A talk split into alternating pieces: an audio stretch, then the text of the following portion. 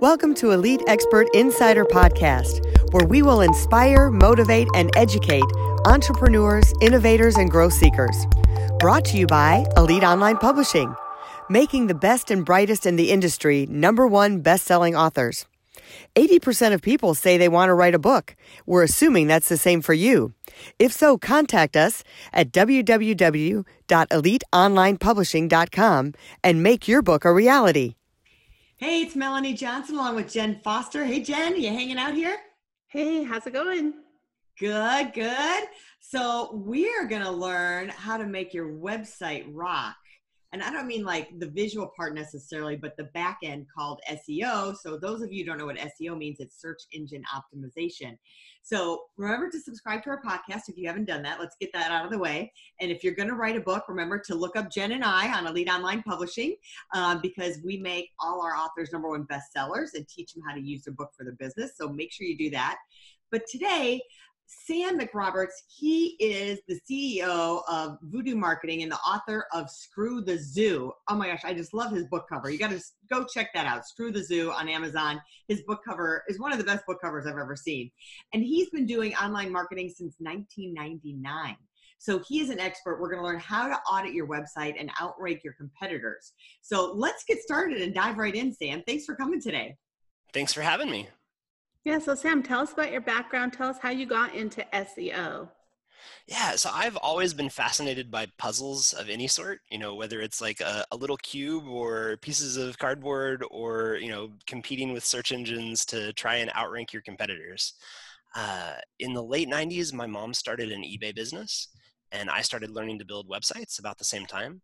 So, you know, learning to write descriptions and titles and content that hooks people, uh, and then simultaneously learning how to put up a website and get that to show up in the handful of search engines that were floating around at the time kind of coalesced. And so over the years, I did a little bit of both and eventually fell firmly into the SEO camp and have been doing pretty much nothing but SEO for probably the last 12 years.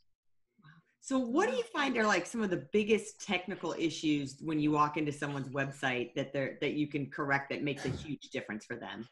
Ooh, um, I'd say at the moment one of the biggest ones is probably page speed.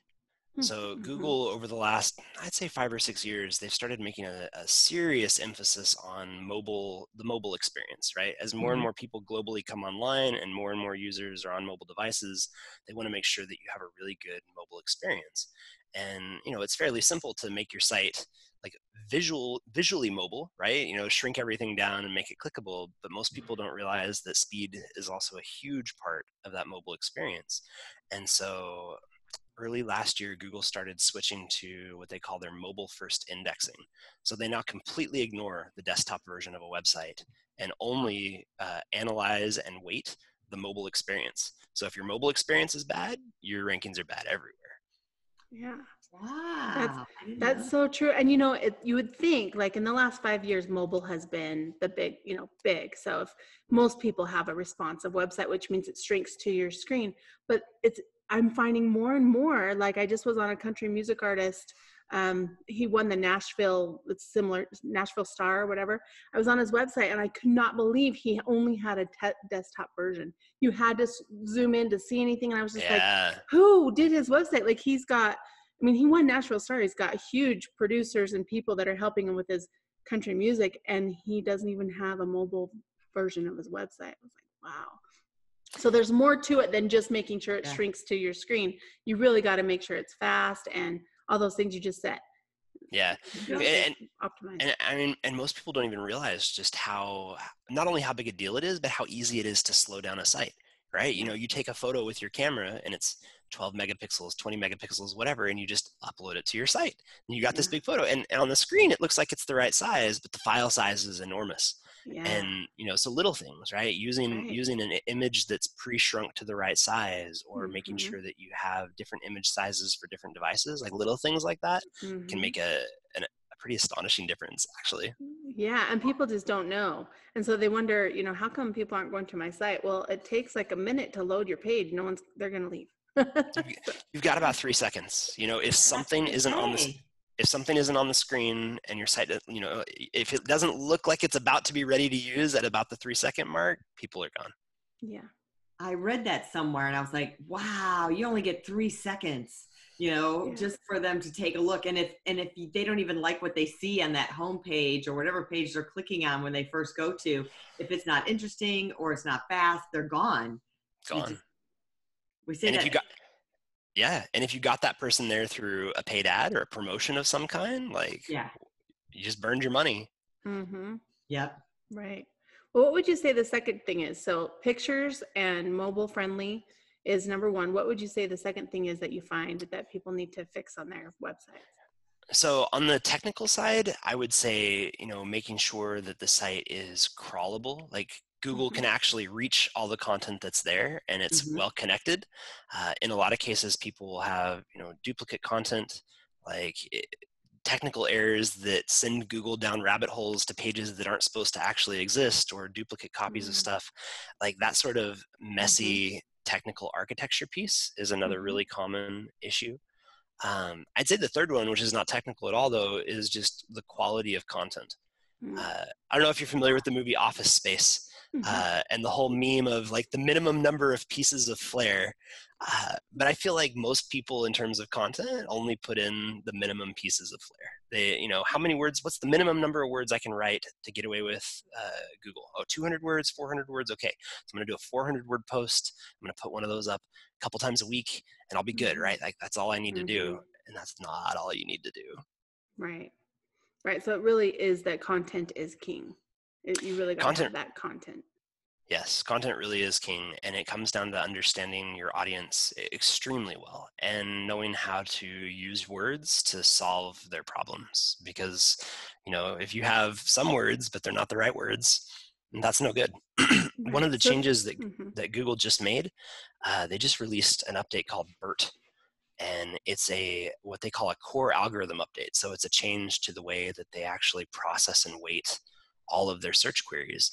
And this one in particular was around Google doing a much, much, much better job of understanding the actual intent behind a phrase. So, you know, sometimes it's clear and sometimes it's not clear. And on those less clear queries, Google tried to get the gist of it and show a mix of things that might be a good fit. And now they're much better at matching precisely. So if your content doesn't match precisely with the intent of that query, you're even less likely today to get traffic from it. So you need to be very, very careful and precise with your content. So unless you're a really good writer, you really need to hire a copywriter for your website. You need to have someone who knows words, who know, understands how to share that message, right? Definitely, yeah. You you can't wing it when it comes to quality content. Mm-hmm. So it's not just a copywriter, but it's a copywriter and researcher that knows SEO that can do the words. Because you can have anybody write stuff and they think it looks pretty and sounds wonderful, but if they're not using the right searchable words, forget it. Yeah. Yeah, and that's it, right? I, and there are a lot of tools you can use that help with that. I mean, one of my favorites is called Answer the Public. So you can mm-hmm. drop in a phrase and it'll give you like a, a mind map of all of the questions that people ask surrounding that phrase. And then you can go to Google and do a search for the same phrase and look at the things ranking in the top few positions and read that content. And you can get a really good idea of exactly what it is Google thinks is answering this query. Uh, mm-hmm. Uh, and so you can take that and combine it and create content on your own site that's just stellar. I love that. And it's called Answer that. the People? Answer, answer the, the public. Oh, Answer the Public. See, like that's a great ninja tip. We are always looking for good ninja tips. yeah that we That's can share great. with everybody. Yeah, so take notes on that one for sure. So let's talk about we were we were saying searchable words. So let's talk about that. Let's dive into keywords. So what how important are keywords? How important is keyword loaded content and keyword phrases? Tell us about keywords. So keywords matter a lot. Um, you know, Google's really looking for like topics and themes, and the keywords are representations of that, right? So mm-hmm you could have a page about pizza, but there are a lot of different questions that might or might not lead there. You know, if somebody wants to know how to make pizza, then a recipe page is a good match. If somebody is hungry for pizza, then a restaurant site is a good match. Mm-hmm. And so the words you use in your content give context that helps Google match up the intent with your site. So, with keywords in particular, you need to understand exactly how people are searching and also why they're searching for those things and try and get to the intent behind it so you know how to write content that really meshes with that Mm. And you know, we're long past the days where you have to have like a certain number of keywords, a certain number of times on your page. But you know, at the end of the day, like it needs to be very clear. If somebody's reading the page, it's obviously about this topic and does a good job of covering it because Google can get that at this point mm-hmm. quite clearly. Mm-hmm. How do you, so, so, oh, go ahead, oh, go ahead. I was just going to say, so talking about the keywords, so the, I, I know some of the terms, but some people might not know. But how important are meta tags or meta description and all the the back end of the title description and keywords? How important are those on the back end of a website?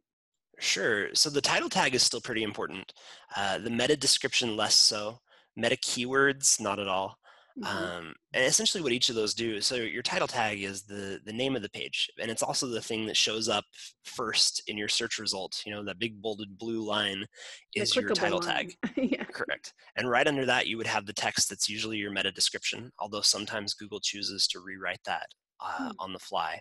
And then you have the URL underneath that, right? So those mm-hmm. are the mm-hmm. three pieces that are in your direct control that you can optimize so that when somebody sees it on a search result, it's very clear that you're answering their query. Uh, and what you what you see from most sites, you know, if you do a search for almost anything, you'll see a page full of stuff that looks almost the same. Right? There's nothing that sets anybody apart on this page. They all follow similar patterns and stuff in similar keywords. And so, as important as keywords are, and you should have them in those places, it's even more important to write something that's click inducing. You know, almost treat it like ad text. Right. Right. So going back to that copywriting and, and making it sound really good, but also to that shares that message that you're trying to, to say. Exactly. So if someone is um, beating you out consistently on a Google search when you're searching for something, whatever it is, like pizza or um, publishing or whatever, and you make these changes, is it still hard to beat that other person out and take their position? Okay, so this is the most common phrase you'll hear from an SEO, but it depends. Um, so all else being equal, usually the site with the largest number and highest quality links pointing into their site from other people is the one that will rank the best. So assuming that you've gone through the effort to make sure that your content is equal or better than the people who are ranking ahead of you, uh, and that you've got your technical issues dialed in, then your issue, if they're still outranking you, is probably links. They so have more links building. than you. Exactly. They're getting links. They're so getting links faster. What that means. So, like as a layman, I don't know what that means. How sure. getting links from someone else? What does that mean? So, if you read an article on like the New York Times and you're reading through it, and there's a, a link is the little clickable thing. You know, hey, as we were researching this study, and it links out to that study over there. Uh, that's a link. And so Google's Google's original thesis, you know, the backbone of their search engine when they started building it was what they called PageRank, and it was essentially a means of weighting links from site to site based on the trust and authority of each of those sites. So a link coming from a high profile site like the New York Times or the Wall Street Journal or a government domain are treated with a lot more authority than a site from whatever whatever.wordpress.org. Uh, and so they, they built their search engine based off that concept of trust mm-hmm. flowing mm-hmm. through and topics throwing, flowing through these links from place to place. And so if you have a site and it's about a certain topic, it would look good if other sites that covered that topic or were related topically linked to you, and it would look bad if nobody linked to you at all. Um, those links are essentially endorsements. It's somebody else, a, a neutral third party, hopefully, mm. saying you're an awesome resource for this topic. And if you don't have any of that, then Google has a hard time knowing that you're trustworthy and should be showing up for anything. Yeah. So some people call them backlinks, right? Some people call them link building or backlinks, in links, external links yeah. all mean the same thing. But yeah. Yeah. But it's essentially your website, you know, your dot .com that is on all these other places online that that people can click on and go back to your site. Yep. And that's how Google, you know, finds you and connects things together. They crawl through the web. They have a little piece of code that goes from site to site and follows every link and stores all the data and the connections and builds just a giant relationship map of everything online and how it connects together. So how do you start that? You're a new business starting out, you're creating your your site on WordPress and you're like, all right, how do I get other people? I've just started have this business and it's been in business for six months. How, how do I get other people to write about my company and put backlinks in there? I mean, the simplest way is just to ask. There are a lot of tools that'll let you look at other websites and extract their links. So, all right, here's my competitor. I'm going to punch in their their web address and I'm going to pull out a list of all of the places that link to them. And then you can go in and look at that list and see who linked and then go to those sites and say, all right, you know, is there is there a way for me to write a guest post here or are they covering a topic could i just ask for a link uh, could i trade them in some some fashion but you know it the the most effective way to do link building is still one to one for the most mm-hmm. part the second most effective which is hit and miss right is the concept of virality. Like creating content that's so good that it gets a lot of play. A lot of people want to link to it for whatever mm-hmm. reason. It could be controversial it could be exceptional um, but that that's a lot harder to engineer. So the one-to-one outreach tends to be more effective. Right.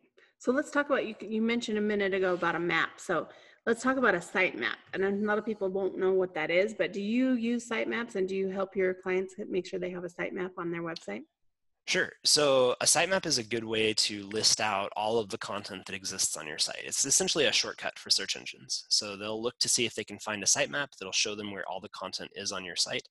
Uh, and then they'll still proceed to crawl through your, you know, crawl through your site link to link as well as from your sitemap and then kind of compare notes. Uh, and in some cases, you end up with what's called orphaned content. Like maybe you created a page on the site, but you never actually linked to it from anywhere. So Google will see, ah, you know, you mentioned this page in your sitemap, and that's the only way we can find it, but you don't actually link to it anywhere else. So that's one useful thing you could get from a sitemap, mm-hmm. um, is that it gives Google access to something that's not otherwise linked to. Mm-hmm.